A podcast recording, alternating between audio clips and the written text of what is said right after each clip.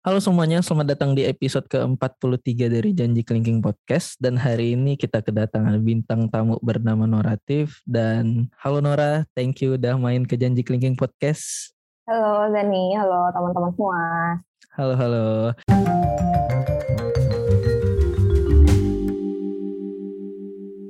Nor, thank you banget nih. Lu udah mau ngeluangin waktu untuk main ke podcast gue. Tapi nih, gue punya satu ritual khusus kalau gue mau tag podcast sama orang yang main ke podcast gue. Gue bakal minta uh, gue star gue untuk kenalin diri dulu. Boleh dong Nor, kenalin diri oh, lu dulu. Okay. Background lu segala macam. Oke, okay. um, halo teman-teman, kenalin uh, nama gue Nora. Mungkin kalau di apa ya lebih di karya-karya gue mungkin lebih dikenal uh, Noratif ya karena itu kebetulan username Instagram gitu. Iya. Um, ya mungkin uh, kalau kenalin diri sebagai apa sebenarnya gue juga bingung dan hmm. karena um, gue banyak sebenarnya lebih ke hobi ya. Hobi gue tuh dari dulu bikin ilustrasi dan gue coba publish itu di Instagram di medsos ya. Di medsos uh, dulu gue juga sempat jadi ilustrator beberapa tahun ke belakang, tapi sekarang kalau untuk profesi gue jadi UI UX designer di salah satu perusahaan di Jakarta Utara. Oh, gitu. Okay. Jadi sehari-hari mungkin kalau ilustrasi sekarang gue lebih ke hobi dan apa ya sedikit sebenarnya sedikit-sedikit curhat ya lewat ilustrasi itu. Ah gitu. iya iya. Nah gue mau bahas soal ke sisi curhatnya itu. Jadi kayak lu menyampaikan isi hmm. hati kan dari dari ilustrasi. Yeah. Tapi fun fact dulu nih buat teman-teman yang dengar Nora Nora ini atau mungkin teman-teman lebih kenal dengan Noratif. Dia adalah orang yang ngebuatin ilustrasi dari Janji Kelingking Podcast. Jadi kalau teman-teman biasa ngelihat logo yang ada muka gue tapi versi ilustrasi itu yang buat Nora. Dan Aduh. itu keren banget gue puas banget sama hasil desainnya. Thank you ya Zani. Dulu udah ini ya uh, ngajakin collab project project jadi kelingking nih podcast dan thank you gue merasa udah... ini dan kayak apa udah wah sekarang jadi kelingking udah banyak banget nih episodenya. Kayak merasa ikut bangga gitu meskipun bikin ilustrasi sama logonya Dan gue berterima kasih juga karena lu udah mau menerima tawaran itu sih Nor. Kalau enggak mungkin ini belum jalan. Nah Nor, gue tertarik ngomongin soal ilustrasi sih. Dan hmm. spesifik mungkin kalau ngelihat apa yang lu kerjain kan lebih ke bercerita kan. Lu bercerita soal ilustrasi. Lu bisa nyampein apa pun lewat ilustrasi. Keresahan hati lu, fenomena yang ada di sekitar lu gitu-gitu. Tapi gue mau nanya dulu nih awal lu ngebuat ilustrasi-ilustrasi yang lu publish di konten sosmed lu itu sebenarnya triggernya untuk apa sih, Nur? Lu pengen pengen ngasih tahu apa sih lewat itu? Oke, okay. mungkin ini bisa diawali dari sebuah fakta gitu ya. Kalau hmm. gue orangnya sulit buat cerita ke orang lain. Gitu. Ah. Jadi misal ada gue ngerasa apa ya sedih atau lagi ada kesusahan itu gue nggak langsung bisa cerita ke orang gitu. Meskipun itu cukup deket ya orangnya. Mm gitu. jadi gue banyak nulis. Jadi mungkin kalau uh, lu lihat di HP gue itu ada notes gitu ya. Aplikasi buat notes. Dan mm-hmm. itu tuh banyak banget um, tulisan-tulisan yang gue bikin misal gue lagi ngerasain suatu hal tertentu. Karena gue nggak bisa langsung cerita ke orang. Jadi biasanya gue tulis gitu di notesnya. Nah dari situ kan kalau kita menyimpan banyak hal sendiri itu rasanya nggak enak ya Zan. Maksudnya hmm. kayak apa ya kayak dipendam sendiri itu kan juga nggak baik juga kan. Nah uh, terus pada akhirnya karena gue suka gambar gitu ya dari dulu dari kecil gue suka hobinya emang gambar. Um, gue suatu hari coba pengen bikin gimana sih notes notes ini biar bisa tercurahkan tuh uh, gimana caranya gitu. Nah terus um, suatu hari gue coba ambil salah satu catatan gue di HP itu terus gue jadiin gambar gitu. Nah, hmm. Nah, terus waktu itu mungkin um, kayaknya pertama itu di waktu itu masih pada ini pakai line kalau nggak salah zaman-zaman SMA apa ya? Oh, uh, SMA uh, kan masih line ya? Iya masih line masih lupa itu yang paling booming iya, booming iya, banget. Belum ya? Heeh, dulu kan chatting pakai line kan, WA uh, kan belum ini ya. Belum terlalu booming itu untuk bapak-bapak hmm. sih biasanya WA. zaman kita ya, zaman kita kuliah iya, tuh masih iya. sampai kuliah bahkan itu masih untuk kayak hmm, bener -bener. WA tuh untuk bokap-bokap iya. dah gitu. Iya, kita lainnya kan ada stiker-stiker lucu gitu kan. Uh -uh. Lebih suka pakai lain juga. Nah, waktu itu kalau nggak salah inget ya, itu pertama upload itu di line. lewat timeline timeline hmm, lain ya timeline lain iya iya iya post di sana uh, dan ternyata banyak orang yang kasih apa ya kasih feedback bagus gitu di situ banyak yang mereka ngerasa apa ya banyak yang komentar juga gitu loh kalau uh, mereka juga ngerasain hal yang sama gitu dengan apa yang gue rasain gitu. Dan hmm. kebetulan kan kalau di apa ya di karya-karya yang gue bikin kan juga gue nggak menempatkan gue sebagai tokohnya ya gitu.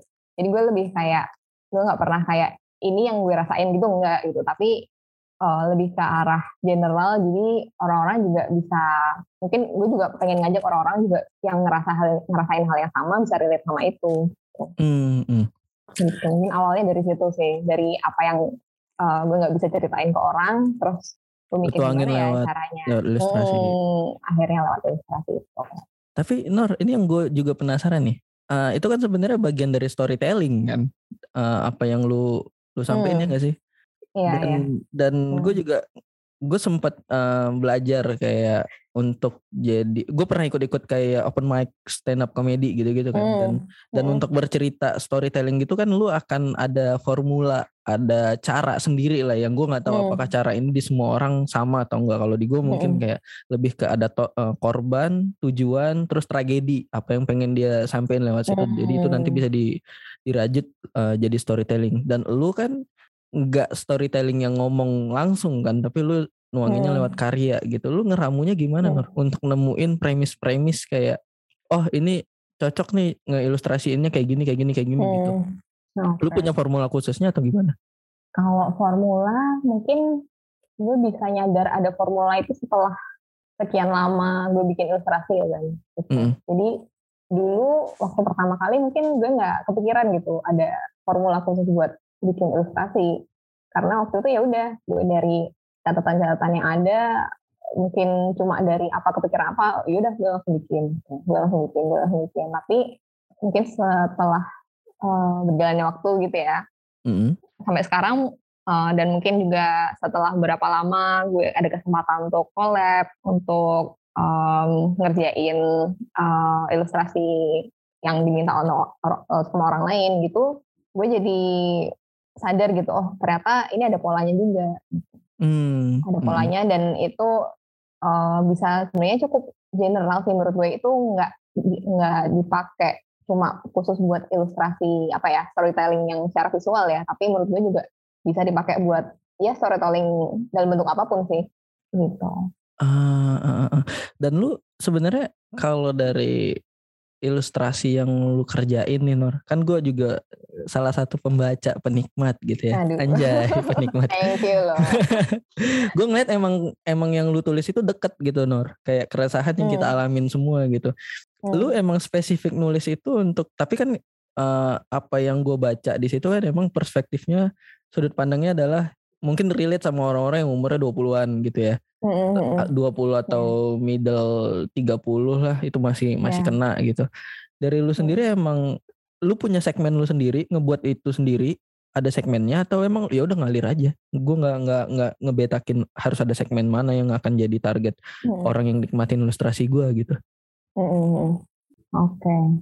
Karena ide-ide cerita gue dan pesan-pesan yang pengen uh, gue bagi lewat ilustrasi itu berawal dari biasanya mungkin apa ya uh, yang gue rasain atau yang gue amati gitu ya kan.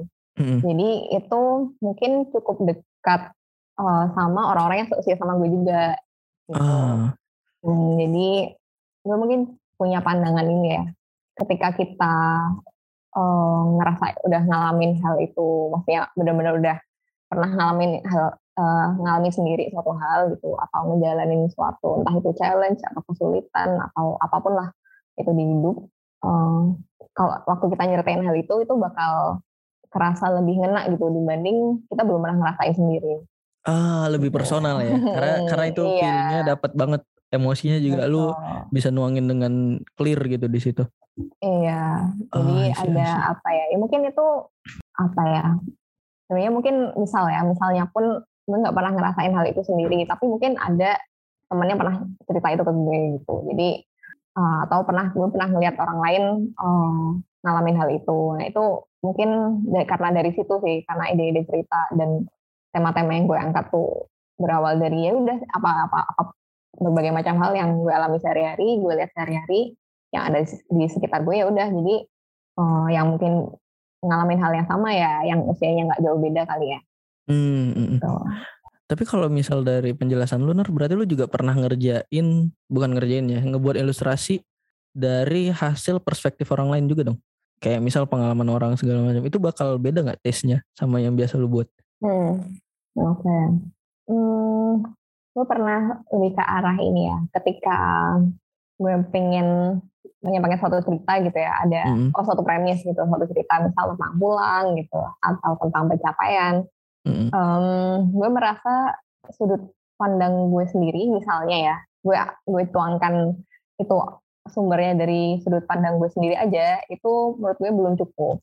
Uh. Itu belum utuh gitu ya, uh, mm. belum apa ya, masih perlu banyak lah sudut pandang orang lain. Nah dari situ gue coba ngajak orang lain nih buat ikut cerita sebelum gue bikin ilustrasinya.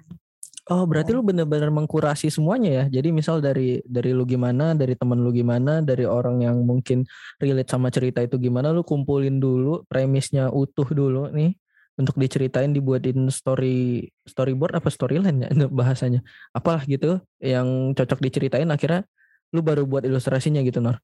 Yap, ya. Jadi mungkin um, kalau nggak tahu ya ini lu pernah lihat waktu di Instagram atau enggak tapi gue cukup sering apa ya kasih ini tahu kan Zen yang fitur stiker di Instagram yang orang-orang bisa ngerespon itu ah, ah tahu, tahu. ada polling kan macam-macam ya ada polling. polling ada stiker yang apa yang orang bisa ask me a question itu loh iya iya lu, lu sering bikin itu sih ah, iya iya iya nah, sebenarnya iya. itu salah satu proses gue mencari perspektif dari orang lain sih tentang mm -hmm. apa yang akan gue ceritain gitu.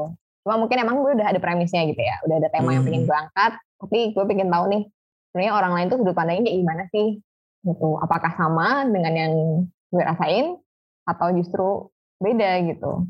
Uh, nah. Jadi lu ngelihat misal anggap aja simpelnya gue ngeliat botol aqua tapi gimana cara gue ngeliat botol aqua dan gimana cara lu ngeliat botol aqua itu lu pengen tahu cara dia ngeliat si botol aqua hmm. ini gimana sih dan cara gue ngeliat iya. botol aqua gimana sih jadi lu dapet sudut pandang yang ber, bermacam-macam untuk bisa lu ceritain dari ilustrasi lu ya Yap, betul sekali. Wow. Tapi Nor, gue gue jadi ini nih, sempat kepikiran nih. Misal nih lu kehabisan premis, lu pernah gak sih kayak mentok premis gitu? Kan kendalanya seniman ya, gue nganggap lu juga bagian dari seniman gitu. Kendalanya seniman kan kadang ada momen-momen lu habis premis gitu. Hmm. Mungkin keresahannya ada, tapi lu ngerasa hmm. itu mumet dan nggak ketemu keresahan ini bisa diceritain atau enggak sih? Ah iya iya menarik sih menarik menarik. Um, ini ya, gue kan pernah mengalami juga uh, ketika ilustrasi itu jadi pekerjaan utama gue gitu ya sebagai ah. ilustrator gitu. Mm, mm. Yang itu mengharuskan gue untuk berkarya di apa ya di periode tertentu udah ditentuin gitu. Dalam ya, seminggu ada harus bikin ya. Iya, dalam seminggu harus bikin lima ilustrasi. Dalam sebulan harus sekian. Ada target, ada timeline, ada deadline ya. Mm-hmm. Gitu. Dan um, yang sekarang gue kerjain gitu, yang ilustrasi-ilustrasi di Noratif itu, yang sekarang gue upload, uh, kebetulan bukan sebagai uh, pekerjaan sebuah utama beban juga. ya, bukan sebuah tanggung jawab iya, yang harus rutin itu, banget. Mm, betul, itu lebih ke arah yang pertama yang tadi udah gue sebutin ya itu cara gue menceritakan apa yang gue rasain dan gimana cara ngajak orang juga uh, bisa relate sama itu yang pertama. Terus hmm. yang kedua juga uh, ini sih mungkin masih nyambung sama yang pertama tapi ini um, gue kemarin nemu apa ya sebuah quote bagus nih. Hmm. Boleh boleh dikasih tahu dari, soalnya nyambung gitu kan jadi iya, ini iya pas nih kayaknya. Ini dari Brené Brown, dia bilang the magic of all art is the ability to both capture our pain and deliver us from it at the same time.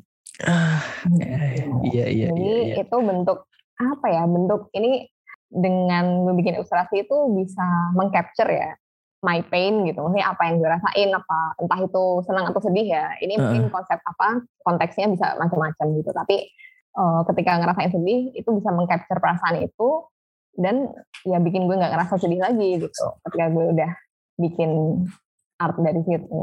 Hmm, mm, gitu.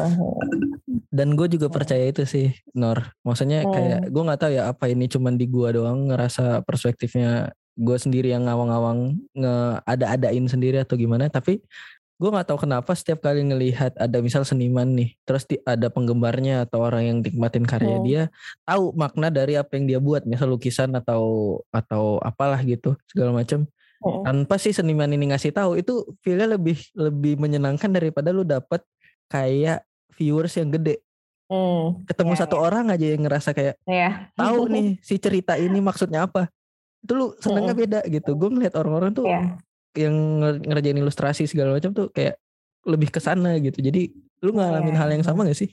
Lebih nyari yeah. orang yang bisa nangkap mm. meaningnya ketimbang ya udah gue nggak peduli viewsnya kayak gimana. Mm. Ya dan salah satu ini kali ya waktu tadi lu nanya pernah nggak kehabisan ide nggak hmm. nggak tahu maksudnya apalagi yang mau ceritain gitu sejujurnya sih pernah pernah aja sih kan maksudnya karena gue sendiri nggak nargetin oh gue harus dalam sebulan harus bikin berapa ilustrasi tuh nggak ada sejujurnya. Uh. gitu jadi mungkin lebih kayak apa ya gue punya satu keyakinan juga ketika hmm, lu bikin karya gitu ya. Hmm. dan ketika orang-orang lihat karya lu orang-orang tuh bisa tahu ketika lu tuh jujur sama karya lu atau enggak itu dia.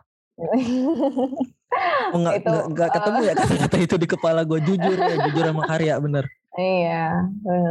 Karena mungkin suatu hari misalnya gue mencoba, ah gue gue harus bikin nih, uh, kayak gue harus bikin terus biar followers gue nggak berkurang misalnya, misal. Hmm. Uh, terus gue maksain gitu dan itu ternyata, hmm, apa ya? Ternyata itu nggak sepenuhnya dari hati gue misal. Menurut gue itu bakal beda sih rasanya.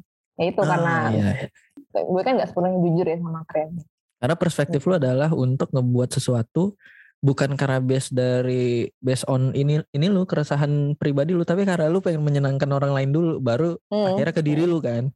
Iya. Kalau yang biasa lu kerjain mungkin kan impactnya adalah eh startnya adalah ya udah ini dari dari dalam baru keluar. Kalau yang tadi lu jelasin hmm. buat nyenangin follower mungkin dari luar baru ke dalam kan. Dan iya. akhirnya jadi jadi beban sendiri gitu. Iya, beban sih jujur kalau kayak gitu pasti kepikiran dan kayak kita jadi bergantung banget sama reaksi orang lain dan kayak misal gue udah bikin tapi kok yang ini dikit ya yang like dikit misal hmm. atau yang kok orang lain komentarnya nggak oke okay ya itu menurut gue bakal jadi beban sendiri sih jadi uh, gue nggak ini ya gue nggak terus uh, menyalahkan misal ada orang yang emang benar-benar pengen apa uh, hmm. pengen cari apa ya maksudnya pengen berkarya dan pengen banyak orang yang lihat tuh gue nggak sama sekali nggak ini ya nggak terus mengenyampingkan itu gitu. Cuma gue memilih untuk tidak di jalur itu gitu. Gue memilih ya udah kalau misal um, gue punya cerita yang mau di share ya gue akan share. Tapi uh. misalnya pun suatu hari gue mau setahun nggak nggak ngepost apa pun ya ya let let me gitu let me do it gitu.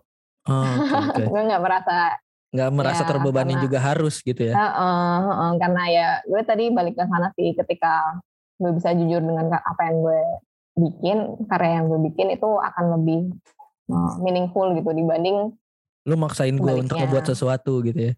Mm tuh. btw Nor lu kan gue nganggap lu berarti kayak lebih ke artis seniman gitu ya. Lu pernah kepikiran gak sih one day ini ya? Lu kan punya um, kerjaan utama ya dan si ilustrasi ini adalah bagian dari lu menyenangkan diri lu sendiri dari rutinitas lu yang mungkin ngebuat lu jenuh lah atau apa pun gitu. Mm-hmm. Lu pernah kepikiran gak sih one day gue mau hidup dari karya gue? Misal uh, anggapannya mungkin terlalu idealis lah atau apa gitu. Lu pernah kepikiran gak sih one day gue mau hidup dari karya gue gitu?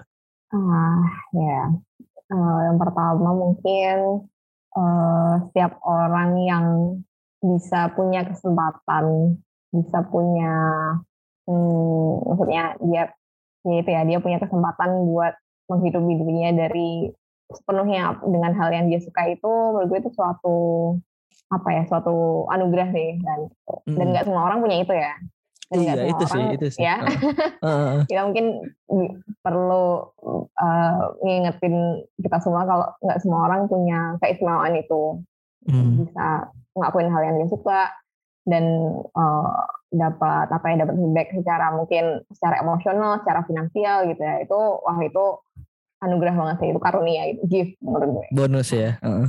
Eh ya dan um, untuk saat ini mungkin ini ya uh, gue gue kan kemarin juga pernah ya sempat ya udah ilustrator itu sebagai pekerjaan utama juga tapi gue juga di uh, salah-salah waktu juga masih bikin ilustrasi yang versi gue sendiri gitu hmm, yang personal ya. dari pekerjaan personal emang ya emang rasanya pasti beda ya dan. Kayak tadi lah pasti fulfillmentnya beda lah. kita, eh, iya pekerjaan utama kita pasti ada target-target yang perlu kita kejar gitu ya target-target yang um, itu mungkin dari orang lain juga kan nggak dari nggak sepenuhnya dari kita gitu. Keinginan kita kan nggak bakal berbenturan loh. Bakal hmm. berbenturan sama uh, ya require, require yang di require sama kantor kita lah sama uh, mungkin supervisor kita gitu. Jadi di hmm, momen yang sekarang kebetulan gue kan sekarang memisahin ya antara uh, pekerjaan utama sama hobi gue nih di pekerjaan hmm. utama uh, gue sebagai UI UX designer itu sama sekali nggak menyentuh ilustrasi dan ini sih semuanya nggak nggak sepenuhnya kayak storytelling ilustrasi tuh enggak gitu Hmm. Jadi dan um, yang gue rasain sih sekarang lebih kayak gue jadi punya hmm, wadah-wadah sendiri gitu ya untuk mengembangkan apa yang gue pengen kembangin gitu. Hmm. Misal hmm. di pekerjaan utama gue sebagai UI UX, um, gue jadi justru apa ya uh, di situ gue bisa sepenuhnya lari gitu loh kayak lari mengejar apa yang gue pengen di karir gue gitu. Uh. Selain ketika uh, di hobi gitu ya udah itu ya adalah wadah gue untuk curhat gitu ya wadah gue untuk uh, mencoba explore banyak hal uh, yang mungkin lebih istilahnya lebih relax lebih santai gitu ya satu hal yang mungkin bikin gue enjoy dengan uh, gue nggak perlu mengkhawatirkan nggak mencapai target nggak mengkhawatirkan feedback dari siapa pun gitu ya hmm. jadi mungkin kalau dalam posisi yang sekarang sih uh, gue masih merasa nyaman dengan uh, gue memisahkan dua itu sih. Oke, okay. Gitu. Nor, gue pernah dapat ini, nggak tahu lu pernah dengar atau enggak atau gimana? Gue pernah dengar ini dari kalau lu pernah tahu Panji Pragiwaksono. Mm-hmm. Kan lu punya skillnya nih, dan kadang ada orang yang dia punya skill, tapi kadang kesempatannya belum datang. Mm. Tapi ketika mm. kesempatan mm. itu datang dan lu all out untuk kesempatan itu, lu maksimalin dengan sangat, itu bisa jadi hmm. jadi jadi fulfillment tersendiri dan jadi kehidupan juga mungkin buat lu gitu. Hmm. Uh, eh, gue pernah denger dia cerita soal lima menit yang ngubah hidup dia gitu. Dia pernah sekali oh, kayaknya gue juga pernah denger itu. pernah denger kan? Bener -bener. Yang, pernah denger di YouTube kalau nggak salah. Uh, dia hmm. setiap kali dia ngerjain sesuatu dia bener-bener total untuk ngerjain itu dan akhirnya hmm. one day ada orang yang ngelihat hasil yang dia kerjain waktu itu dia kalau nggak salah hmm. jadi penyiar gitu dan ada satu produser hmm. atau apa gitu yang dengerin dan akhirnya dia jadi um, pembawa acaranya atau apa gitu di kena deh kan nah itu hmm. hmm, hmm. lu sesimpel ngerjain satu hal yang durasinya cuma lima menit tapi akhirnya gara-gara lima menit itu orang tahu lu orang tahu kapasitas lu kayak apa dan akhirnya dia mau nge-hire lu. Lu pernah dapat momen gitu juga nggak dari karya lu yang lu buat dengan jujur gitu. Lu punya skillnya tapi one day itu ternyata jadi kesempatan buat lu untuk jadi bagian dari uh, projectnya orang atau apa gitu Nur? Hmm, waktu mungkin yang bisa gue ceritain tuh karya ini ya. Uh, lu pernah baca karya yang tentang orang biasa nggak Jan? Gua bacanya yang yang mana nih? Yang orang biasa yang terakhir, yang terakhir banget. Oh, yang itu mengangkat uh, awalannya kita tidak banyak mendengar cerita tentang orang biasa. Terus, uh. um, jadi di sini gue mengangkat ini sih lebih kayak orang biasa itu oh, nggak oh, banyak dapat spotlight gitu selama ini. Yang ini kan ada cerita karet merah, panggung megah, surat lampu, semua itu miliknya orang berbakat, tempat untuk istimewa gitu kan. Itu premis ah, awalnya kayak gitu. Gila sih, pre, dari premisnya juga ngerasa seneng sih. Ceritain, ceritain, ceritain, ceritain. ini gue coba bacain aja kali ya biar hmm. uh, jadi setelah itu gue pengen mencoba mengcapture perasaan dari para orang biasa ini sih termasuk gue juga gue juga menganggap diri gue sebagai orang yang sangat biasa sih nggak hmm. ada sesuatu yang extraordinary gitu gue nganggap lu luar nah, biasa sih thank you amin ya Iya iya iya iya. Terus terus terus. Oh. Nah, uh, setelahnya uh, gue bercerita kalau meskipun kisah hidup orang biasa ini nggak pernah tersiarkan gitu ya ke, ke seluruh penjuru negeri dan nama orang biasa ini bakal selamanya asing buat jutaan orang gitu di muka bumi tapi jadi orang biasa itu bukan berarti kebaikan yang kita lakuin tuh nggak bermakna gitu. Karena oh. karena banyak kebaikan lain yang tumbuh dari uh, manfaat yang nantiasa kita tebar ada juga yang dimudahkan harinya berkat bantuan yang mungkin kita berikan nggak sadar gitu. Jadi kita nggak sadar ngelakuin sesuatu tapi ternyata ada yang terbantu. Ada juga yang jadi yakin sama mimpi-mimpinya waktu kita tuh nyemangatin, nyemangatin mereka gitu. Mungkin kita yang nggak sadar gitu ya, kita pernah support teman kita atau ada orang lain yang uh, merasa dihargai sama kita dan mereka jadi yakin sama mimpi mereka. Menurut gue itu suatu hal yang kecil tapi meaningful banget nih. Hmm. Gitu. Ada juga yang orang-orang yang dikuatkan hatinya lewat doa-doa yang kita panjatkan. Gitu. Jadi buat siapa pun yang ngerasa biasa bisa biasa-biasa aja, dunia itu masih akan selalu punya cukup ruang buat segala kebaikan di dalamnya. Gitu. Keren banget, sumpah. Sumpah keren banget storytellingnya. Ceritanya bagus banget. Dan itu yang nganterin lu untuk ketemu kesempatan ngebuat karya. Ya, kebetulan betul. Kebetulan itu kan gue upload mungkin bulan beberapa bulan yang lalu kayaknya bulan Oktober apa ya. Hmm. Bulan Oktober dan itu uh, fun fact aja sih itu juga berasal dari suatu notes salah satu notes di HP gue dan Hmm. Dan itu udah lama banget notes ada di notes ini, notes tentang premis ini ada di HP gue kayaknya udah lama banget deh, harus tahun lebih mungkin. Hmm. Dan baru lu tuangin di Oktober kemarin. Iya, iya hmm. baru ini di Oktober kemarin. Dan Jadi waktu itu sebenarnya gue nggak ini ya, nggak ada nggak ada target, nggak ada ekspektasi apa-apa juga dari ya setiap gue mencoba setiap berkarya gue ngeset gitu sih. Gue nggak nggak mau ngeset evaluasi apa apa ya udah yang gue kerjain gue coba publish. Nanti apa pun yang um, orang lihat kayak create kayak gimana itu udah ya sesuatu yang nggak bisa gue kendaliin gitu. Hmm, hmm. sorry sorry sebelum nyampe ke ke kesempatan yang lu dapat nih Nur. Berarti lu tiap hari nulis dong? Atau punya rutinitas oh. untuk nulis sendiri gitu kayak oh lu punya waktu-waktu sendiri untuk nulis apa pun kejadian yang hadir di hidup lu karena kan manusia gampang lupa ya kalau nggak ditulis gitu hmm, lu akan bisa punya premis ketika lu ngelihat catatan-catatan itu kan pasti lu tiap hari iya. nulis baca atau gimana Nur? Um, pernah ini nggak kan pernah denger yang namanya 3 am thoughts gitu nggak? itu yang Jadi, belum belum belum belum. Uh, oh, mungkin gini ya, mungkin kadang kita ini nih udah mau udah malam gitu ya terus udah ngantuk tapi kok tiba-tiba kita udah udah di kasur tapi kok tiba-tiba kepikiran tentang kehidupan gitu. oh iya iya ide ide ide tiba-tiba keluar semua ya iya uh, hmm. nah kadang-kadang kan kita ya udah kita lagi mungkin entah lagi capek apalagi apa gitu kan terus mungkin gue lebih sering ini sih malah menjelang tidur gitu dan entah kenapa gue sering kepikiran itu apa pun entah itu overthinking gue atau pertanyaan-pertanyaan di kepala e, gitu ya. Pertanyaan-pertanyaan tentang kehidupan, kontemplasi dulu itu kok jadi ini ya, kok jadi mikir yang deep gitu ya kalau uh. udah mau tidur gitu. Nah, biasanya gue dari situ gue langsung catat di handphone gitu. Uh. Sesedikit apa pun ya gitu. Entah mungkin terlintas kayak pertanyaan kayak uh, ini sih, gue ini juga pernah salah satu jadi salah satu ilustrasi yang gue bikin sih. Itu tuh hmm. berawal dari pertanyaan yang itu tadi yang waktu dia mau tidur tiba-tiba kepikiran satu pertanyaan um, kenapa apa ya um, kenapa kita tuh nggak pernah merayakan sebuah kegagalan? Gitu. Hmm. gitu. Kenapa tuh.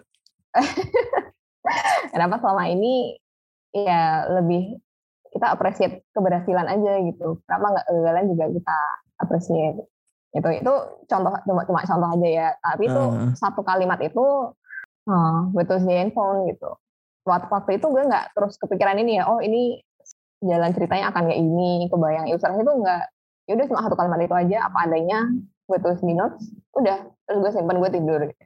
uh. ya nanti um, ketika gue di hari-hari ke depan gitu kalau um, gue menemukan hal yang nyambung sama tadi yang gue kepikiran tadi itu bakal gue lanjutin tuh notesnya. Gitu. Hmm. jadi kayak udah ada apa ya masing-masing itu udah ada tema tersendiri yang gue simpan. Nah kan uh, seiring jalannya waktu gue mungkin bakal ngerasain hal yang sama gitu ya. Maksudnya uh, yang nyambung sama itu gitu. Mungkin suatu hari gue ngerasa gagal banget gitu. Atau gue diceritain sama temen gue yang mengalami suatu kegagalan nah itu bisa gue lanjutin notesnya dari yang tadi itu. Yang udah satu ini yang gue kepikiran Oke, okay. Gitu. gokil, gokil, gitu. gokil. Balik ke kesempatan tadi tuh Nor, balik ke kesempatan ah, tadi iya. dari dari cerita lu tadi, terus akhirnya gimana? Mm-mm. Jadi dari uh, yang tentang orang biasa tadi, alhamdulillahnya itu cukup ini ya, cukup banyak diapresiasi sama orang. Uh, mungkin karena kebetulan juga gue waktu itu nyoba upload di Twitter ya Zan ya. Mm. Upload di Twitter itu itu kayaknya juga belum ini sih gue belum sering upload di Twitter sih waktu itu karena gue ngerasa uh, kalau Twitter itu kan lebih ke kayak ke teks ya iya, iya. image ya. Gambar, ya agak iya. sulit nah, agak sulit kan kalau di Twitter tuh kalau kalau di Instagram kan tinggal geser-geser aja tuh tapi kalau di Twitter kan kok tuh ada gambar banyak lo kan harus buka satu-satu tuh Iya, ya, secara UX lebih enak lah ya. iya gitu. Nah, waktu itu um, gue upload di Twitter dan ternyata itu juga cukup uh, apa ya cukup banyak uh, orang yang waktu itu reply apa like retweet gitu juga sih. Dan um, beberapa gue ceritain temen sih karena hmm. gue juga nggak merhatiin satu-satu tapi ada beberapa juga nama-nama yang cukup apa ya cukup udah terkenal gitulah itu sempat nge-like retweet juga. Dan dari situ mungkin jadi kayak orang-orang lebih banyak ngeliat ya gitu. Karena platform gue kan juga masih kecil di Twitter juga gue nggak waktu itu cuma teman-teman dekat aja yang saling follow gitu. Jadi mungkin hmm. gara-gara dari situ jadi cukup banyak orang yang lihat dan uh, setelah itu ini sih gue jadi dapat beberapa uh, kesempatan buat banyak yang ngajak collab gitu sih hmm. dari situ. Kayaknya gue pernah gue pernah gue pernah lihat ya. sih yang itu yang di Twitter Nina nge-retweet kalau nggak salah. Nge-like oh, apa iya. nge-retweet ya? Oh. Terus gue ngeliat di timeline. Gue lupa gue nge-like apa enggak ya. gue lupa, gue lupa, gue lupa. Kayak gue pernah pernah pernah nemu lu di situ. Rame ya yang itu iya. kan kalau nggak salah. Uh, lumayan sih kayaknya ya. Lumayan, lumayan. Terus terus terus, terus gimana gimana? Ini, uh. um, ya dari situ um, gue jadi ada kesempatan buat diajak collab sama beberapa orang gitu ya. Dan ada juga yang uh, masih ongoing juga ini beberapa collabnya. Jadi coba ditunggu ya Ci ya. Iya. Yeah. ini uh, coba ditunggu karena uh, mungkin salah satu collabnya kemarin udah gue post juga, tapi ini ada beberapa collab ke depan yang masih ongoing. Masih ongoing. Hmm, masih ongoing dan gue jadi excited sih kan karena mm -hmm. apa ya? Hmm, maka sebenarnya makin banyak orang yang bisa gue ajak untuk berkarya tuh gue makin seneng gitu. Hmm. Gitu. Hmm. Karena hmm. yang pertama mungkin ya jelas perspektifnya nambah ya. Yeah. Perspektifnya nambah. Nah, dan yang kedua kan selama ini kan gue relatif seringnya sendiri gitu ya berkarya gitu ya, di ilustrasi ini. Ketika ada orang yang uh, ngajak buat yuk barengan gitu kita uh, bikin sesuatu itu semangatnya nambah sih kok. Hmm, hmm, hmm, gitu. Oke oke oke. Ini terakhir dari gue nih Nur. Terakhir dari gue. Hmm kalau misal lu bisa mengandai-andai ini, lu pengen dapat kesempatan apa sih lewat ilustrasi? Apa yang pengen lu kerjain dari ilustrasi yang yang sekarang jadi bakat lu gitu? Ya itu pasti ke, eh, kerja keras lu kan. Eh, nggak ada yang datang gitu aja gitu. Orang bisa gambar bagus juga pasti banyak proses yang dilewatin gitu. Kalau lu dapat satu kesempatan nih, Nora pengen ngerjain apa lewat ilustrasi? Wah, susah juga ya pertanyaannya. Emang susah, Nora? Ini kayak pertanyaan ini loh waktu interview uh, apa yang anda lihat lima tahun ke depan gitu. Padahal gue kalau mau podcast tuh ngobrol loh bukan interview gue nggak pernah punya skrip. uh, eh, per pernah sih hmm. sesekali tapi maksudnya mayoritas gue hmm. jarang punya skrip yang gimana banget gitu. Uh, Oke okay. ngalir ya ngalir ya. Ngalir aja gitu ngobrol. Hmm. Oke okay, tadi apa yang apa gue pengenin ya? Hmm. Yang pengen gue kerjain dengan ilustrasi ini ya? Hmm. Aduh, kalau ditanya tentang itu sejujurnya sih gue belum ada impian yang sangat clear gitu ya. dan tentang ilustrasi. Um, kalau gue boleh cerita dikit, mungkin ini sih, gue pernah ada di suatu momen yang um, apa ya, itu gue lagi ngerasa down banget gitu ya, down hmm. banget, mau nyari semangat itu rasanya kayak nggak ada gitu, mau cerita ke orang juga susah gitu, mau um, mau curhat juga bingung. Tapi kalau enggak apa ya kalau ini kalau diem aja juga gue juga ngerasa ya daunnya nggak selesai selesai gitu. Tapi mau ketemu orang misalnya mau ngajak ketemu orang juga gue nggak siap gitu. Hmm. nah di saat-saat itu hmm, di momen itu gue pernah satu-satunya cara untuk dapetin semangat itu adalah ini agak lucu sih tapi gue nyari gue nyari quote-quote gitu kan gue nyari oh. quote-quote di internet gitu. Hmm. nyari quote-quote yang gue rasa itu apa ya bisa menenangkan gue gitu. Menenangkan mengencourage yang tanpa apa ya tanpa gue perlu itu kan kalau nyari quote kan gue nggak perlu cerita ya. Gue nggak perlu cerita ke orang tapi gue bisa nyari dan serasa di serasa ada yang memahami gitu dengan adanya quote-quote itu nah Hmm, sebenarnya yang bikin ilustrasi ini impian ya, bukan impian tapi gue akan sangat merasa senang ketika ilustrasi ini sampai ke orang-orang yang membutuhkan sih. Maksudnya membutuhkan tuh apa?